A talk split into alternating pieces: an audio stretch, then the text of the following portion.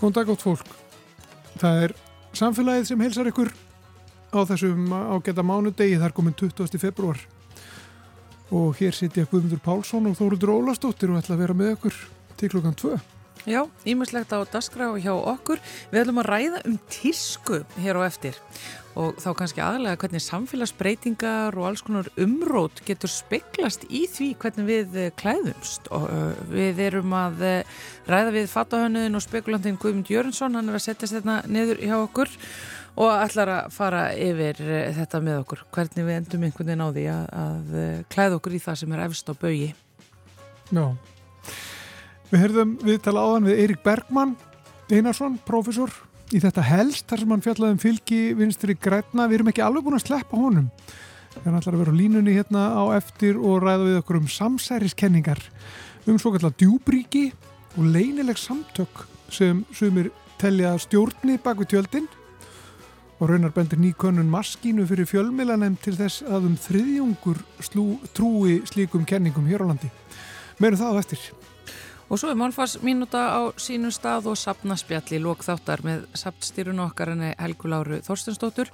Hún er með gullmóla sem hún veiður upp úr sapni Rúf og hann kallast á við atbyrði dagsins í dag. Tengist sem sagt verkalýsbaratu. En við byrjum á tísku og samfélagsbreytingum.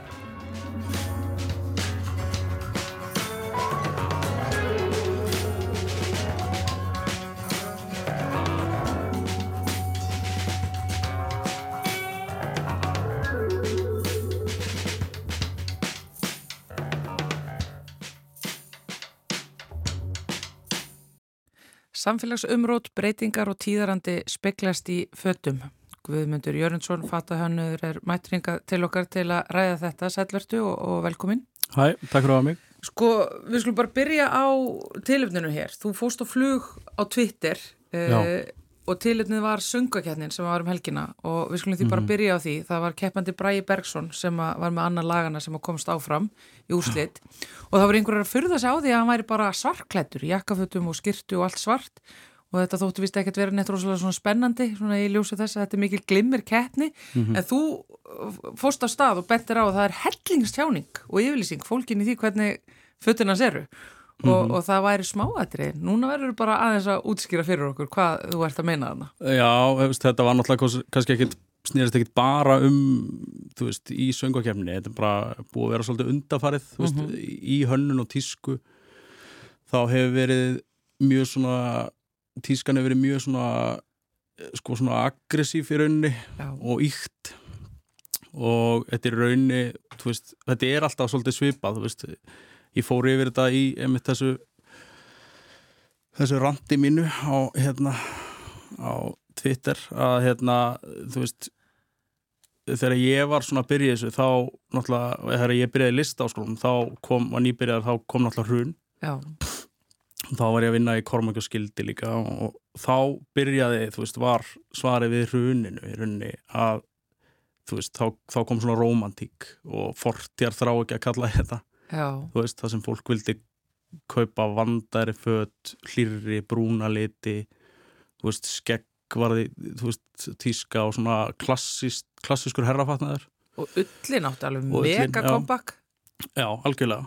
Og tvítið og allt þetta. Og hérna svo kemur alltaf bara mótsvar við því, skilur veist, þetta er mótsvar við því sem var í gangi. Þú veist, mikil þú veist, þarna 2000 ára og undan. Já. svart og kvíkt og, og svona, þú veist miklu peningar og svona og þá kemur einhvern veginn hérna, eitthvað svona vandara. Og svo er svo fyndið sko þegar það er kreppa og fólk á minni pening þá kaupir það sér dýrari född og vandari. Já. og þegar veist, það er þensla þá kaupir fólk meira drasl og meira. Já og, og, og eitthvað sem er hægt að bara losa sig við og kaupa nýtt. Já, já. já. En það er sko fólk enþá að ganga í eftir hrunsfötunum sínum. Sjá bara Mjökisson sko. Hann er bara, hann er þarna. Já, já, já, einmitt. Við, við klættum hann einmitt þarna oft á þessum árum. Og svo er mjög gaman að horfa á þetta sko, fara ára og svo kemur næsta kynslu og finnst þetta náttúrulega ömulegt sko. bara ömulegt skegg og ljótt lópapísa og jakkafutt og bara, þú veist, myndi aldrei fara í þetta. Og uh, þá kemur, þú veist, þetta er rauninni bara svolítið pöng, sko, mm -hmm. þú mhm. veist og fullur af fólk er ömulegt, einhvern veginn uh, og meðan sko þegar þú veist þegar þetta, þessi tíska sem við vorum í þarna 2009-10 er meira svona þú veist þá vildi maður freka vera svo gammalmenni sko Já. þannig að og hérna og það er mjög gaman að fylgjast með þessu og, veist, og tíska er náttúrulega alltaf svona fyrsta sem þú getur séð þú veist hverju breytingar í samfélaginu eru Já. sem er alveg skemmtilegt við tísku veist, og margt alltaf fáralegt líka uh, og fyndið en uh, þú veist og, þá, og þetta er búið að þróast út í það núna að uh, þú veist ég, maður verður varfið að krakkar kalla já þetta er hönnun, þá er það svona ógsla, eitthvað sem er ógeðslega ykt Það er svo mikið læti, já, já, rosaleg já, yfirlýsing. já Já. Er Og- það og hönnun? náttúrulega- Já, nú. já, já, já. og er alltaf varfið það, og þetta er alltaf boring að það er ekki, þú veist og hérna það er ekki trúðabúningur sko og hérna En að þú segir sko hönnun og þú minnist líka á, á í þínum skrifum þannig á Twitter, þá talar þú svolítið um merkin já, líka. þá, já, það Þau kom náttúrulega- sínileg. Já, það kom náttúrulega að byrja að verða bara mjög svona, hérna, þú veist, merki út um allt og framan á og þú veist, mjög mikið svona, svona bara flassa því í hverju ert Já, bara Versace, Já. bara í semilíu steina Já. stöfum. sem var náttúrulega undan mjög takki, sko, Já. Mm að hérna og þú veist, eitthvað sem maður tengdi bara við svona götusala, þú veist, Já. að hérna, Einmitt. No. Þar sem það næstu eins og að sé eftirlíking eða þannig, já, Já. nema að það er ekki eftirlíking. já, nei, Það er eiginlega eftirlíking af já. og það er alveg orginal. Já. Einmitt. þannig að hérna og ég sagði alltaf að þetta var að byrja ég sa- sagði bara, þetta er bara, við erum farin í skemmtilegustu bara svona tísku periódu sem að er hægt að fara í sko, því hún er svo mikið rugl sko. Já. En, og sko, þú ég veist, var vildi eiginlega- bara allir vera í ljótu og svona. Já, en þetta er búið að vera nefnilega rosalega gaman, sko. Já, en ég bara, já, mjög ég, veist, maður líka upplifir sér náttúrulega maður sé of gamall til þess að vera elda þessa tískuströma en það er rosa gaman að fara niður í bæ núna og sjá krakkan á 30-saldri mm í, í þessu flippi, sko. Já, þetta já, er algjörlega. rosalega mikið læti og, og punk og, og ljótleiki sem er komin upp í andkverfu sína og bara Já. þannig að þe- þe- þetta er gaman, það er bara þú ert að Já, segja það er mjög, mjög gaman sko og hérna en ég er alveg sammálað, þú veist og svo er, svo er náttúrulega bara, þú veist maður eldist og alveg skrítið að fara veginn alveg inn í, þú veist eitthvað tíðaranda sem, eða þú veist tilheyri mann ekki alveg sko Nei. þannig að þú veist, það er alltaf svona að taka eitthvað úr öllu skiljiði en þú veist, mér veist bara þetta svo algengt sko uh, að fólk sér ekki bara já, svört í jakkaföld ég veit ekkert hvaða það voru sem hann var í Nei. þessi strákur. En þú veist, uh, þú veist sniðið var bara þú veist, það var eitthvað vítt snið og svona mjög í tíðaranda tískunar í dag. Tvínötföld, þú veist, það var enga töl framan á bara einhver ein svona hliðarneft tala hann var einhverju satínskirtu og veist, með eitthvað slifs þetta hefði bara verið fyrir nokkrum árum það hefði þetta verið svona frekar svona flamboyant sko. En svo er er, eru þið í dag bara hún ákveða þetta sé leiðilegt? já, bara, veist, það var bara þeir tala, veist, eins og hann sé einhverju bankamann að það, skilur Já, nei, einmitt, þegar maður fórum þetta að skoða og summaði inn og skoðaði, þá er alveg, þá voru öllu þessi smáatrið mætt þarna, en við erum bara búin að vera í svo miklum tísku látum núna Já. síðustu að við erum eiginlega orðið bara ónæm fyrir því, Já. eða er ekki eitthvað algjörn. Mér finnst miklu áhöður að nefnilega sko, þú veist, það er miklu meiri kunst að gera eitthvað svona, þú veist, sötl, skiljið, Já, að hérna, uh, já, þú veist, og það, fyrir mér er það oft hönnun, sko, þú veist, þó að bæði sé skemmtilegt, þú veist, en Þannig að svona þessi lágstendara og, og meiri smáhatri. Já, það, þú veist, Fítni smáhatri. já, þú veist, það er allan að, finnst mér mjög skemmtilegt líka og Mhm. hérna, uh, og það er oft svona, já, ég veit ekki, þú veist, eins og, mm, þú veist, fólk sé svona ógslag bara einhvern veginn inn í þess akkurat sem er í gangi núna og ekki svona einhvern veginn söguleg þróun neins já, og ég held líka bara, þú veist, að uh, ógslag margir í dag, krakkar fatta ekki bara, veist, hvað er ótrúlega stutt síðan að þú veist, það var enginn striga sko, sko, nei, Mm eða þú veist, þú veist, eitthvað skrítið bara, já, það veist, jakka á þeim á striga sko, það, þú veist, bara fárulega. já, Það var alveg bannað. Já. En sko, varðandi þetta, þessi, hérna, að þetta sé að að koma, þessi smáatriði og þetta sem að, hún var stila svona, þú veist, að lýsa bræði, þessi keppandi var eiginlega mögulega þarna að klæðast því sem að er að fara að byrtast næst. Já. Þú talaði líka um það sem eru mér fannst mjög aðteglisvert verðandi hérna að renna inn í miðaldramönskuna mm Mhm. sem að er að, að e, svona íþrótafatnaðurinn og aktiverin og úti, út, útivistafatnaðurinn sé Mhm. að, að svona reyðjast inn í heið almenna rými þessi sérhæði klæðinaður er að koma af fjöllum og bara neyri bæ Já, og það er í rauninni, það er í rauninni kannski mótsvari við þessu sko, þú veist, að því að búið að vera svona ótrúlega mikið svona þvæla og ruggl í gangi, uh Mhm. skiljið. Uh, og mig, merki, tískumerki mikið að búa til eitthvað, þú veist, bara Supreme gerði múrstein, einu Su- Supreme múrstein sem var rándýr. Þú veist, eitthvað svona tilgangslust sem er ókslega fyndið og skemmtilegt. Og bara gera grín að í rauninni tísku og þú veist, Vetement veru, gerðu þarna DOL-ból sem var alveg bara gulur með DOL-merkinu Einmitt. sem var frækt kostaði bara veist, 140 stið eitthvað. Þú veist, þetta er náttúrulega geggja sko, þú veist. Og hérna þetta tíska áleika var að fyndin sko, veist.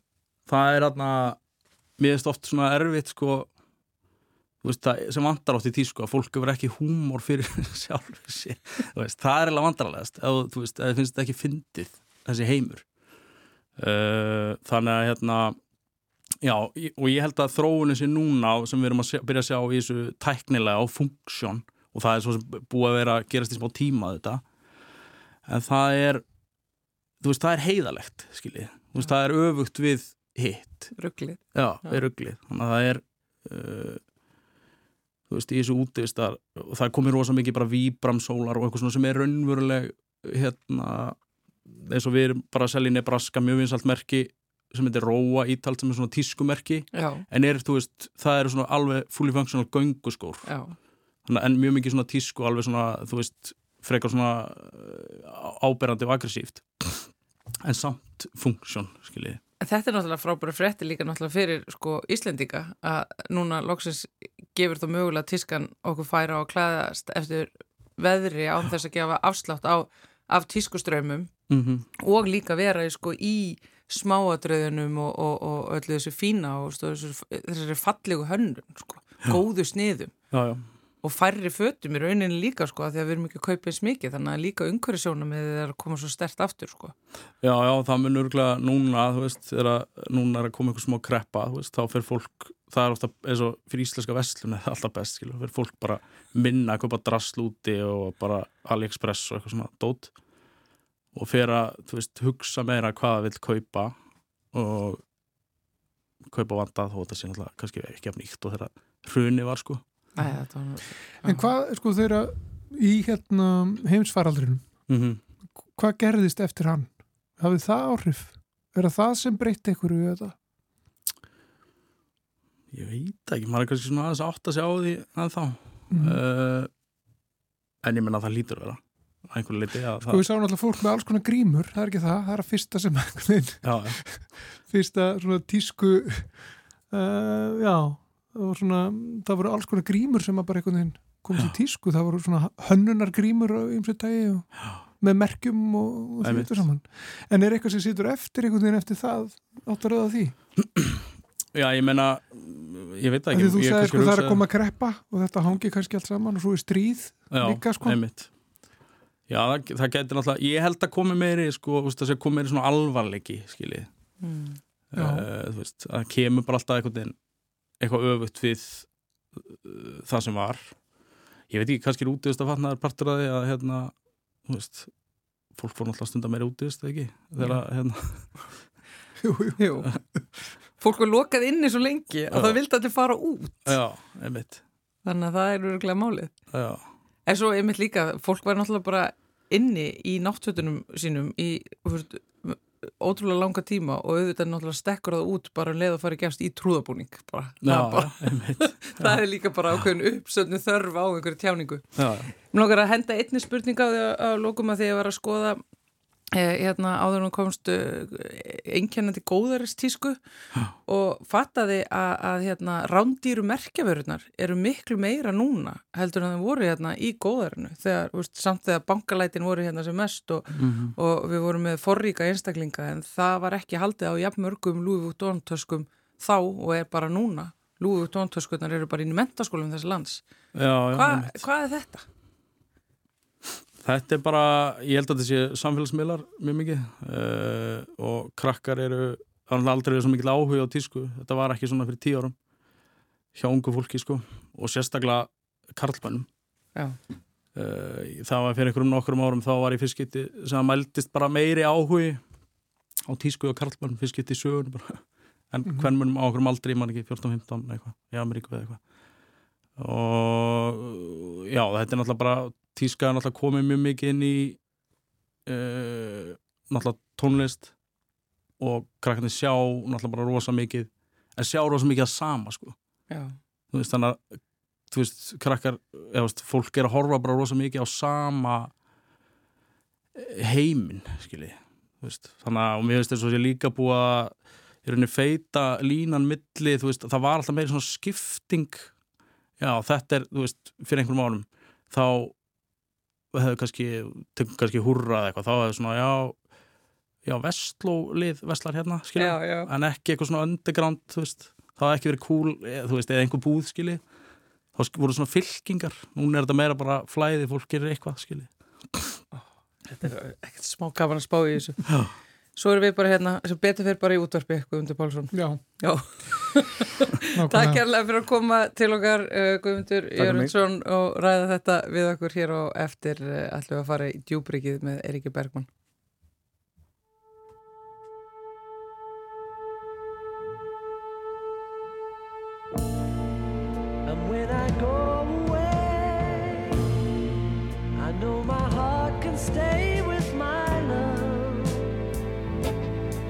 misunderstood.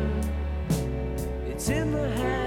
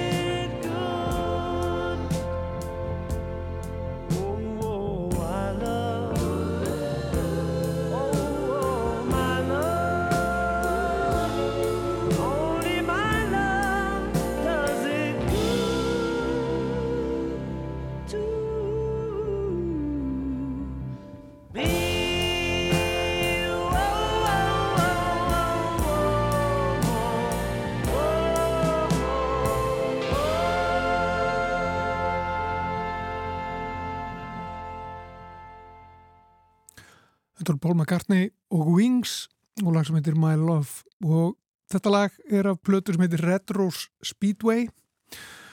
Og svo ágætt að plata kom út í april 1973 þannig að það stittist í að uh, þessu 50 ár liðin hálf öld síðan þetta lag kom út og svo ágætt að plata Red Rose Speedway með Paul McCartney og Wings.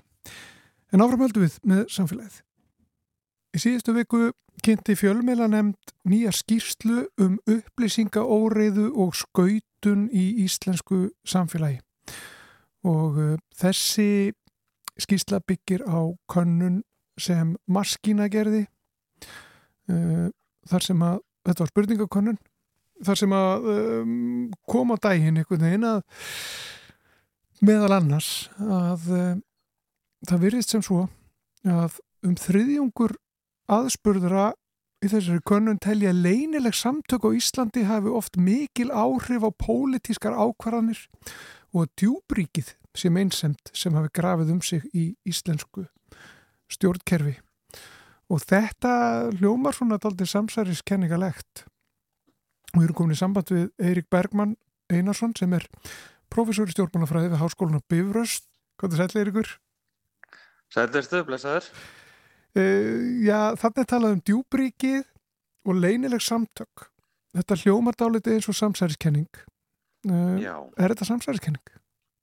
já, já, þetta er það samsæriskenning ef að því er haldið fram að einhverju sko tilteknir aðilar undir niðri stýri samfélaginu bakvið uh, tjöldin en ekki hinn eiginlegu sko stjórnvöld og djúbryggis-kenningin sem hefur verið á sveimi einhverjum sérilega í bandaríkjunum á undanfjöndum árum eru þetta uh, samsæriskenning að þessu, þessu leiti. Getur þú, að því þú hefur nú skoðað þessi mál dálítið rækilega, uh, hvernig svona Já, upplýsinga og reyða hefur áhrif á, á umræður og, og um, samfélögin og hvernig þetta er að, að, að aukast mikið og sérstaklega þessar svona samsæðiskenningar, hvernig þær eru notaðar kannski í pólitísku tilgangi um, þessi kenning um djúbríkið uh, hversu svona algeng er hún og, og hvað felst í henni? Hva, hvað djúbríki er þetta? Já, sko, við getum bara að byrja á því að skoða hvaða kenning þetta er. Þetta er nú kenning sem að eh, heitið kemur nú reyndar frá Tyrklandi búið 1990 og um, gengur út á það að á bakvið tjöldin í Tyrklandi séu önnur heldur en ríkjandi stjórnvald sem að rauninni ráði uh, ferðinni. Og þar, uh, það sem liggur undir steini þar, er í rauninni sko hlutverk hersins og hvernig herin hefur litið á sig sem svona uh, verndari hins veraldlega uh, samfélag sem að sem Ataturk, Mustafa Kemal Ataturk uh, lagði upp með á, á 19. öldinni og það er að mörguleiti alveg satt og rétt að herin hefur oft gripið inn í stjórnmálaþróun í Tyrklandi sko hrifsa til sín völdin þegar hann telur að uh, ríkjandi stjórnvöld séu komin af þessari braut. Og þessi kenning hefur líka verið sko ríkjandi uh, í mörgum slíkum ríkju sem búa við svon þess áttar tegundi stjórnmann eins og Argentína, Brasilia, Egiptaland og, og fleiri sleik uh, ríki. En síðan ferðast þessi kenning yfir til bandaríkjana og og það er rauninni Donald Trump og fylgismenn hans sem að taka hann upp á sína arma og gjör breytinni og gengur eiginlega út á það að undir niðri séu sko skrifræðis möppudýr sem að uh, stjórni rauninni öllu og afgeri nánast allar ákvarðanir hins góða líðræðislega uh, leiðtoga sem þar að leiðandi hafi ekki tækifæri til þess að stjórna eins og hann sé uh, kjörin til. Þetta tengir síðan alls konar samsæriskenningum um þetta að það séu einhverjir aðri sem að stýri heldur en ríkjandi stjórnvöld og þessi umræða á sér langa eh, sögu í bandaríkjanum langt aftur fyrir þetta hugtak.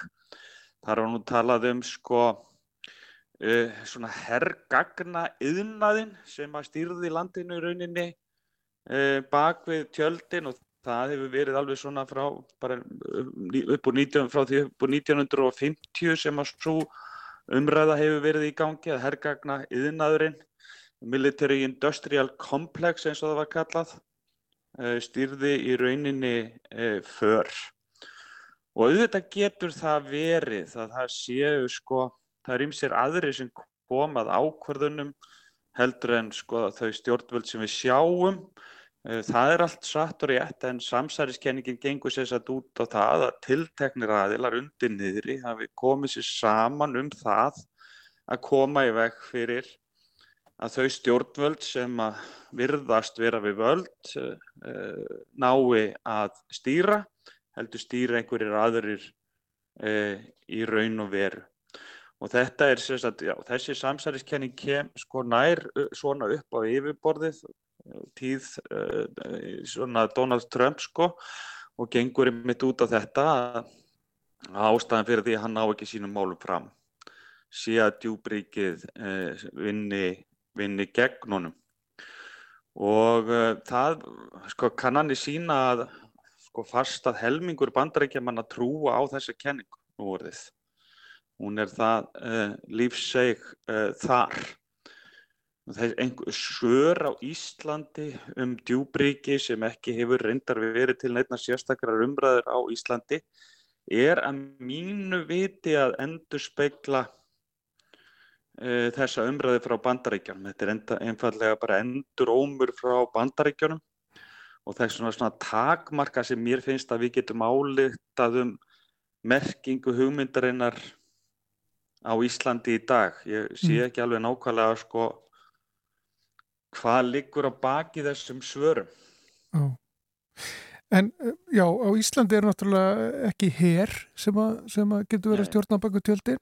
Já, ég held að sko að þeir sem að svara því játandi að þeir telji að einhver leynileg öll á bak við tjöldin að taka uh, ákvarðanir að þeir hafi ekki einhverja svona það fólk hafi ekki svona sömu hugmyndir um hvaða öll það séu. Ég er ekki vissum að það sé svona eitthvað eitt tiltekið sem að menn hafi í huga. Þetta er ekki svona einn skýr hugmynd eins og hún er í bandaríkjunum og, og alls ekki einn skýr hugmynd og hún er í, í, í Tyrklandi þar sem að er svona kannski raunverulegt biti í þessari, þeim grunnsendum sko. Já. En það, það kemur fram í þessari, þessari könnun að það sé um þriðjungur uh, aðspurður að þarna sem að, sem að telja að leynileg samtöku í Íslandi hefði oft mikil áhrif á pólitískar ákvarnir og að djúbríki sé Já. meinsemt sem hafi grafið um síðu íslensku stjórnkerfi. Þetta er þriðjungur. Þetta er, er þetta ekki Já. dátta hátt hlutfall og kemur það á óvart? sko ég veit ekki hvort það komið neitt sko sérstaklega mikið á óvart meða við hvað við fáum mikla umræðu til Íslands frá bandaríkjum þetta segir ákveðna sögu miklu frekar held ég um amerikanseringu Íslands samfélags heldur en margt annað þetta er einfallega innflutt uh, hugmynd sem að kemur þaðan En svo segir þetta líka þá svona stærri sögu sem við höfum þekkt sem að er að það eru meiri efasendir í okkar samfélögum og líka á Íslandi um, um svona heilindi stjórnvalda. Trúnaður hefur uh, svona rofnað, það hefur dreigið úr trausti og þess vegna er miklu meira rými fyrir alls konar upplýsingaóræðu, samsæriskenningar, útbreysla samsæriskenninga hefur aukist verulega, allavegna frá því að ég fór að rannsaka uh, samsæriskenningar í stjórnmálum kerfisbundi fyrir já, einhverjum allnokkurum árum síðan að þá var mjög lítið sem að sást til slíks á Íslandi. En það hefur aukist einfallega bara samfara umræðunni eh, sem á sér stað í, í löndunum í, í kringum okkur í svona svipuðu hlutfalli, hlutfalli. en þó verður að segjast að einhverja svona tilteknar, afmarkaðar uh, samsæriskenningar uh, sem að eru beinlinis kannski svona til þess fallan að grafa undan einhverjum tilteknu stjórnvöldum að þess að þær ha hafa nú ekki náð sérstakri útbreyslu á Íslandi og ég myndi nú svona já, forðast að tólka þessa könnun eitthvað sérstaklega mikið því að það er verulega óljóst Hva, hvaða átrúnaður liggur að baki uh, þessum svörum ef þá nokkur annar heldur en bara svona einhverjar almennar uh, efasemdir um uh, sko, stjórnvöld svona yfirleitt. Mm -hmm. Í þessum löndum þar sem að, að, að hugmyndir um, um djúbryggið hafa svolítið náða að, að festa rættur og, og þessi leinilugu samtök og þetta. Er þetta sama djúbryggið, þú nefndir herin sko þetta í Tyrklandi og nefndir löndis og Argentínu, Brasilíu en, en, og, og svo koma bandaríkin inn er þetta sömu um, já, ég voru að segja aðilar sem að standa bak við þetta djúbriki, er þetta alþjóðleitt samsæri? Eða er þetta alþjóðlegt hliðstæðir aðilar einhvern veginn eða já, Já. á, á mismöndi stöðum? Sko það eru til fjöldin allur af samsæriskenningum um einmitt alþjóðlega aðila sem að taki sér saman og stýri löndum uh, sko framhjá ríkjandi stjórnvöldum. Það eru alls konar fyrirbæri sem eru grunu um þetta, alþjóða samtök, saminuð þjóðanar, Evrópusambandi, jafnvel bara sko hérna uh, sko frímúrarar eða Illuminati eða eitthvað, eitthvað tíðlikt en djúbríkiskenningin gengur einmitt ekki út á þetta, hún gengur út á það að það séu innlendir aðilar sem við sjáum ekki sem að stýri uh, samfélaginu og bakvið tjöldin og í bandaríkjunum þar sem að þessi, könnun, uh, þessi kenning er nú þar sem hún er nú, er nú við líði og það er það sem hún er að koma að þá er sko rætt um svona vanheilagt eh, bandalag uh, embættismanna, fjármála kerfisins og svona elítunar eh, sem einhvers konar afl sem að ríki yfir þessum samfélögum. Og þessir aðilar, fjármála elítan, embættismenn og svona einhver æðri og ljósari elita hafi tekið sig saman og að afgera heið, til þess að afgera hérna líðræðislegu stjórn á landinu og þetta er það sem að, að sko uh, Donald Trump hefur verið að ala og óta gagvart og þá er þessi yfir elita yfirleitt einhvern veginn tengd demokrataflokknum, uh, Clinton fjölskyldunni eða, eða eitthvað þess áttar. En það er sér að þetta hugmyndin um þetta vanheilaga bandalag uh, fjármála, embættismanna og yfir elitunar sem að einhvern veginn uh, stýri öllu á, á bakutjöldin. Já, og svo blandast inn í þetta náttúrulega, svo koma alls konar ángar út úr þessu sem eru Já. alls konar samsærikenningar sem að já, lýsa alls konar ógeðslegum hlutum sem að þetta fólk gerir, glæpum Já. sem það fremur og svo framhins. Já, já, og það haldi úti sko ímis konar ymitt hérna óhugnaði til þess að klekja á hinnu saklausa góða uh, fólki. Mm Ímis uh, nýðingsverk sem að það er grunað um og í rauninni virkar svona samsæriskenning þannig að, að þegar að atvik koma uh, upp í, í samfélögum, einhver svona uh, voða verk eða slæmir hlutir gerast að þá er bent á þessa illvirkja Já, og þeir sakaður um uh, að bera ábyrð á viðkomandi máli, hvað svo sem það kann að vera. Já. Og hérna Pizzagate málið í bandaríkjanum, þegar Edgar Wells réðist inn á pizzastað í, í Washington DC og ætlaði sér að frelsa þar börn sem að væri haldinn föngnum af Hillary Clinton og öðrum demokratum í einhvers konar barna nýðings uh, kjallara. Að hann trúði á þessa hugmyndum djúbríkið uh, og ætlaði sér að taka málun í hendur sem er fullkomlega skiljanlegt ef hann trúði þessu raunverulega. Mm uh, en svona geta samsæriskenningar virk, virkað á sko óstöðugt uh, fólk En eins, sko, sjáðu, þarna í bandaríkjunum er þessi hugmyndum djúbrikið miklu skýrari heldur en hún er á Íslandi. Þetta eru tilteknir aðilar, það er bent á hverju þeir eru. Þeir hafa nafn og númer og kennitölu. Við vitum hvaða fólk þetta er og það er sem sagt sakað um þetta. Á Íslandi hefur engin svoleiðis umræða uh, farið fram. Það er ekkert, uh, þegar að, að fólk er að svara þessari spurningu sem þeir spurta núna, þá er ekkert andlit á bakvið uh, þá hugmynd á Íslandi enn sem komið er, nema bara í hug, bara, það getur verið bara mismunandi í huga hvers og eins. Og þess vegna er svona takmarkað sem hægt er að álíkta út frá þessum svörum, allavega enn sem komið er. Hins vegar verður þessi könnun sko, mjög áhugaverð til samanburðar bara einfallega um þróun þessa máls, hvort sem að það sko, menn, hvort sem að grunnsemdinnar sko dvína eða, eða vaksi. Það verður mjög áhugavert að, að, einmitt að hafa þennan mælikvarða sem það er þó komin. En gallin við hann er að merkingin á bakvið svörin er svo óljós að maður veit eiginlega ekki alveg hvað hægt er að gera við þau. mhm. Eh, það er kannski rannsóknarefni bara út af fyrir sig.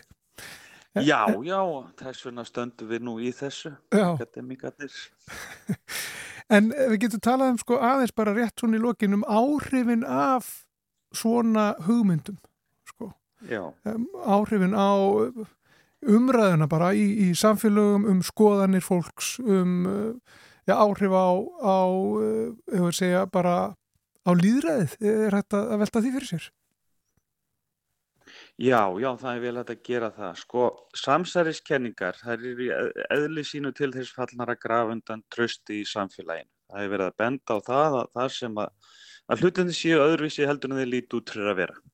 Undir niðri séu illvirkjar sem að, að, störfum og sem að um, klekki á fólkinu, sjálfum sér til hagspóta, ímist uh, sko efnahagslega eða sögum þess að þeir séu bara einfallega vondir og vilji illt og, þe- og, a- og slíkar hugmyndir eru þetta til þess fallnar að, að um, svona auka á einmitt skautun í samfélögum, búa til vantraust og um, við eigum þá eh, svona eftir því sem slíkar hugmyndir verða útbreytari og magnaðari þá eigum við erfiðara með að ræða saman sko málin á eitthvað svona yfirvegaðan hátt og leiða þau til lykta vegna þess að að fólk fer þá að gruna viðmælendur sína um græsku.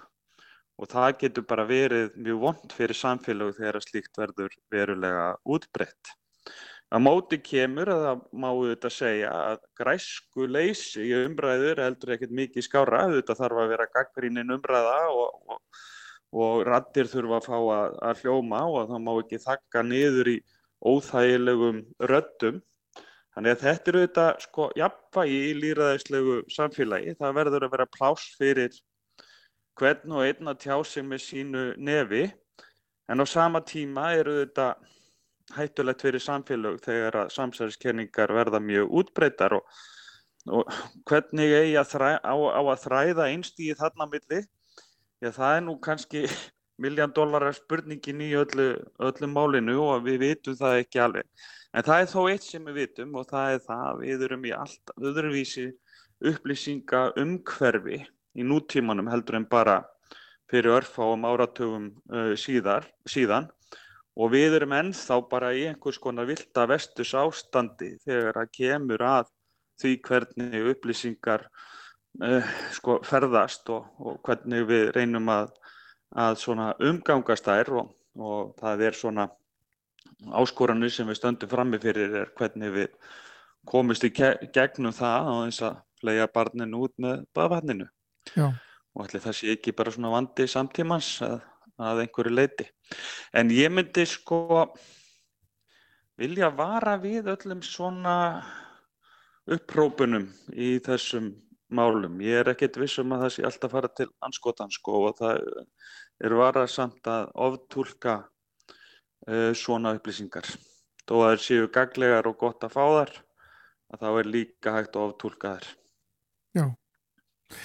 Við skulum ljúka þessu svona. Eirikur Bergmann Einarsson, eh, professor í stjórnmálafræði við Háskólinu Byröst. Þakka fyrir að vera á línni. Takk sem leiðis. Blessaður.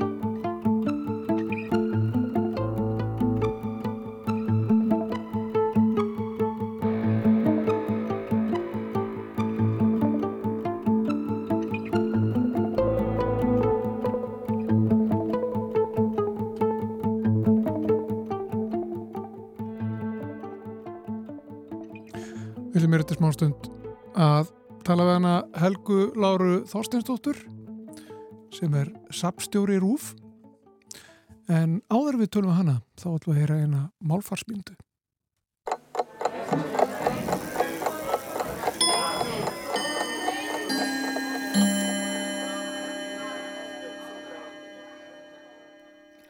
Ekkert orð er skrýpi eða stendur á réttum stað. Þetta er vinsælt að hafa eftir Halldóri Lagsnes þegar deilur um orðaval gerast hatramar. Skoðum aðeins betur í hvaða samhengi hann saði þetta í grein í tímariti Máls og menningar árið 1941. Hann segir þar, til vitun hefst, í augum rítumundar eru ekki til önnur orðskrýpi en þau sem fara illa í tilteknu sambandi. Og það er yfirleitt ekki hægt að verða rítumundur fyrir en maður er vaksin upp úr þeirri hugmynd að til séu orðskrýpi. Ekkert orð er skrýpi eða stendur á réttum stað, til vitnum líkur. Vissulega getur það talist smekksatriði hvort rétt orð er á réttum stað, en það væri gott fyrir þjóðina að vaksa upp úr þeirri hugmynd að til séu orðskrýpi.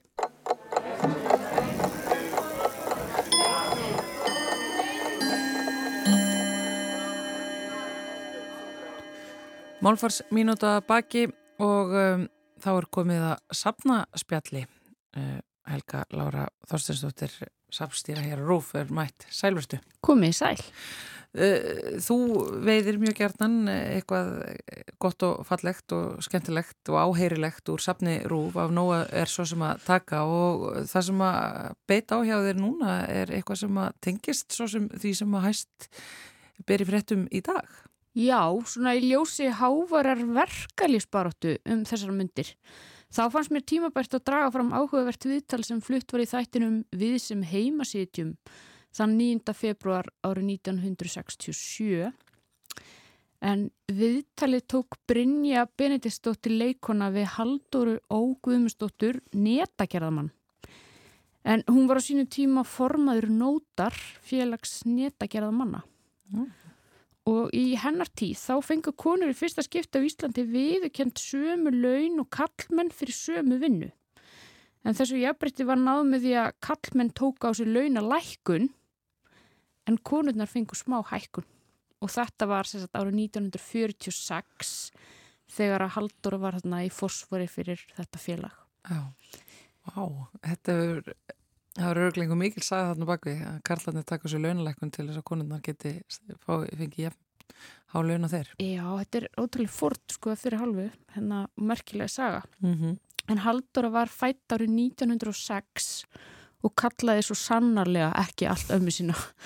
Í brotinu sem við ætlum að hlusta á í dag þá lýsir hún aðeins aðbúnaði við fiskvinnsli og kirkjusandi þar sem síðar reysu sko höfustöður Íslandsbanka hann í lauganisinu Já, já, já. og þar var verið að verka fisk og, og eitthvað svona. Og, og hérna hún svona, já, hún, hún vann við ótrúlega erfiðar aðstæður eins og hún segir okkur frá Svo hlustu við líka á hann að segja sína afstöðum svo kalluð forréttindi kvenna á vinnumarkaði sem hún setti sig alfarið á móti. en bara svona áður en við heyrum hann að tala á til að setja aðeins í samengi umræðina um jafnbretti að bara þegar þetta viðtal er tekið árið 1967 þá var bara ein kona á alþingi. Viti, og það er rætt um það þarna að nú sé jafnbretti bara náð og sko konurnar eru ekki þrjára á alþingi fyrir árið 1971 sem er alveg fjórum árum setna. Þannig að þetta er svolítið svona, já, það er áhugavert að heyra hana lýsa hérna afstöðu sinni til vinnu og, og, og hérna, og bara já. Uh, mér finnst þetta einhvern veginn eiga við og vera tímabært núna í ljósi þess sem erum að vera í okkar samfélagi í dag. Já. Ég held að þetta félag sem að hún uh, var í fórsvari fyrir sig ekki til í dag hafi eflust runnið inn í einhver önnur verkefliðsfélag en, en e, netta gerði nú alveg samt í fullum gangi en hefur breyst mjög mikið Já, þetta er ekki lengur svona sama handafina held ég og, og var sko. En ég, nú það ekki ekkert til, bara svo það sé sagt. En þetta er svona dæmi um, um það hvernig sagan er varðveitt í þessu ágæta safni okkar hér á Rúf og já, þínu. Já, og okkar allra. Já, og, og þetta svona, það er alltaf tilefni til að, að opna skápana þar og, og tegja sér eftir ykkur og sjá hvað maður finnur. Þetta er bara botlus brunnur, alls konar. Já, mm -hmm. og hægt að nýta til að náttúrulega rannsaka ímislegt. Það er meðal söguverkalisbarðu. Sannarlega. Mm. Það eru yfirst þarna. Hvernig, sko, mm. að því að stundum kemur sko með eitthvað sem er tekið á lakplötum Já og annað er tekið af, af segulböndum mm -hmm.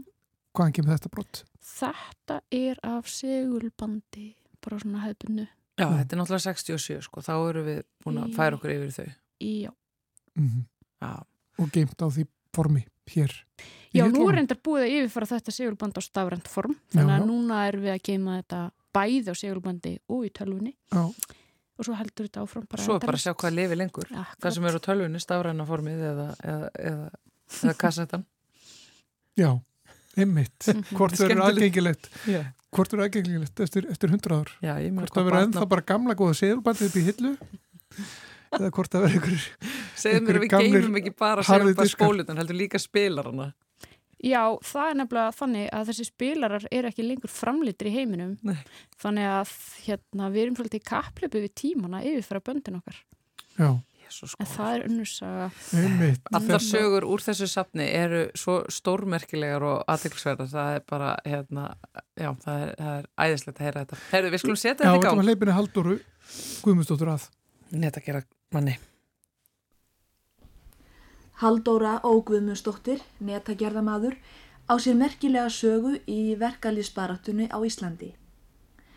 Frá árinu 1940 var hún formaður nótar félags netagerðamanna og árið 1946 var félagið viðurkent sveinafélag undir hennar stjórn og þar með fekk hvern fólk í fyrsta skipti á Íslandi viðurkent sömu laun og karlmenn fyrir sömu vinnu.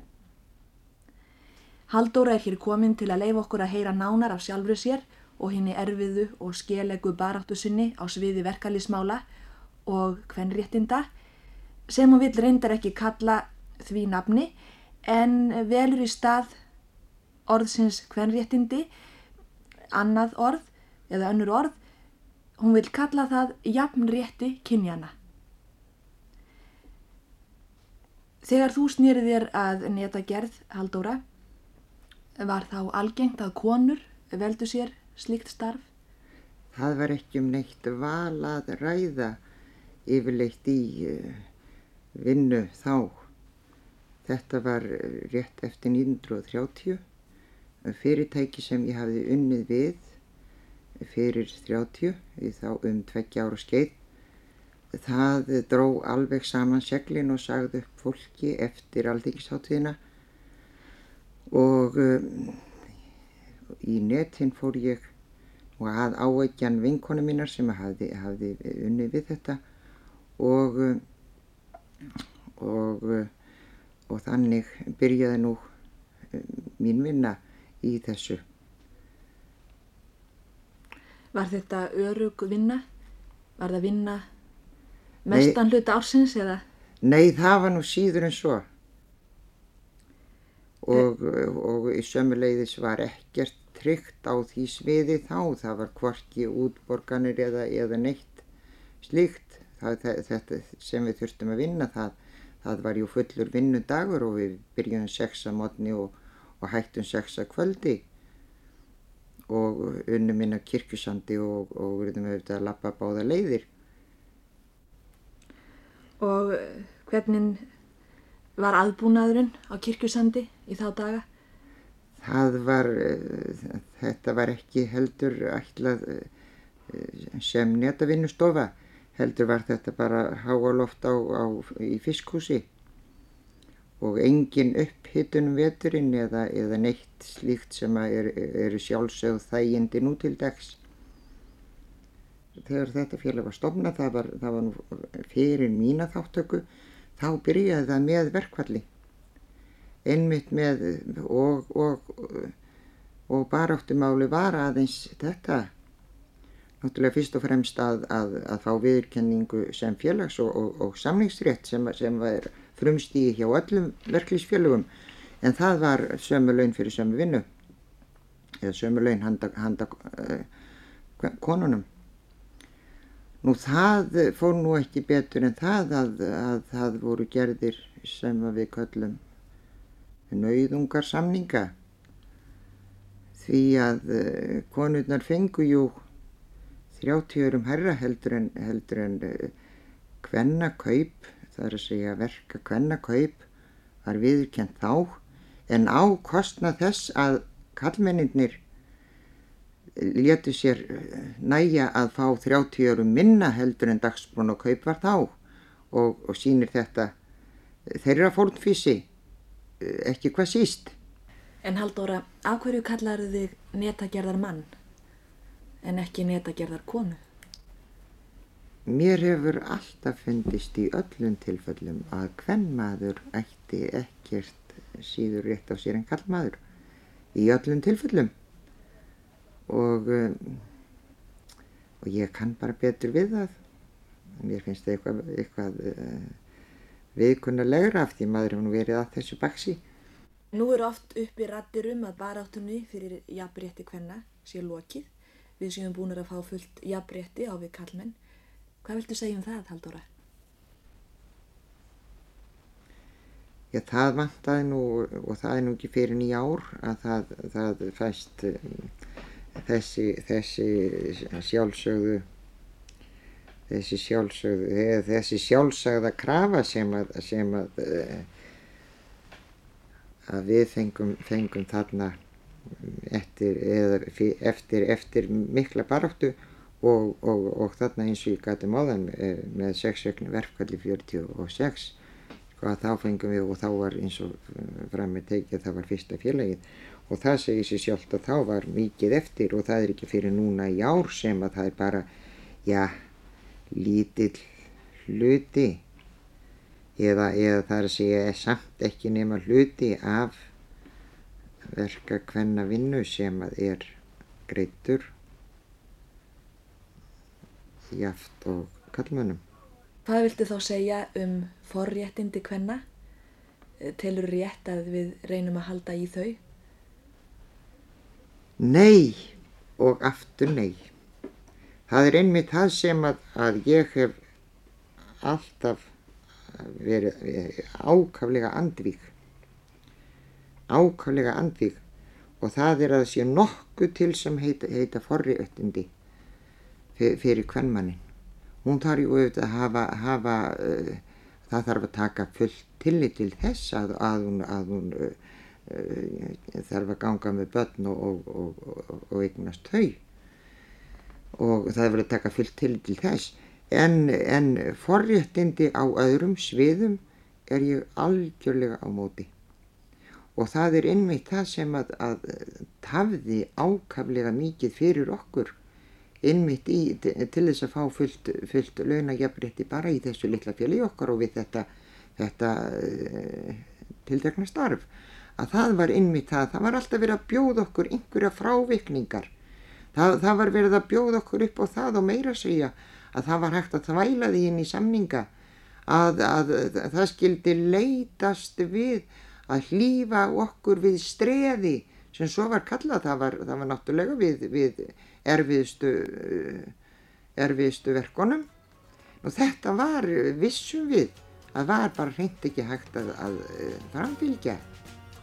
Sagði Haldur og Guðmundsdóttir neta gerðar maður í viðtali við Brynju Benediktsdóttur um, þetta var árið 1967 og eins og Helga Lára Sapstjóri sagði þá Let hún sér fátt fyrir fó, uh, brjósti brenna, hún haldur á. Já, en við ætlum að fara að segja þetta gott í samfélaginu þennan daginn, Þennan bolludaginn, þennan bolludaginn, já. nákvæmlega. Við erum nákvæmlega, Næla mér eina. já það er það sem er framöndan hér Já. uh, hjá umsjónumönnum samfélagsins. Og vonandi ykkur öllum, kæru lustendur. Já, njótið bolludagsins, heyrust á morgun, þá Ver- verður komin sprengidagur. Já, verið sæl.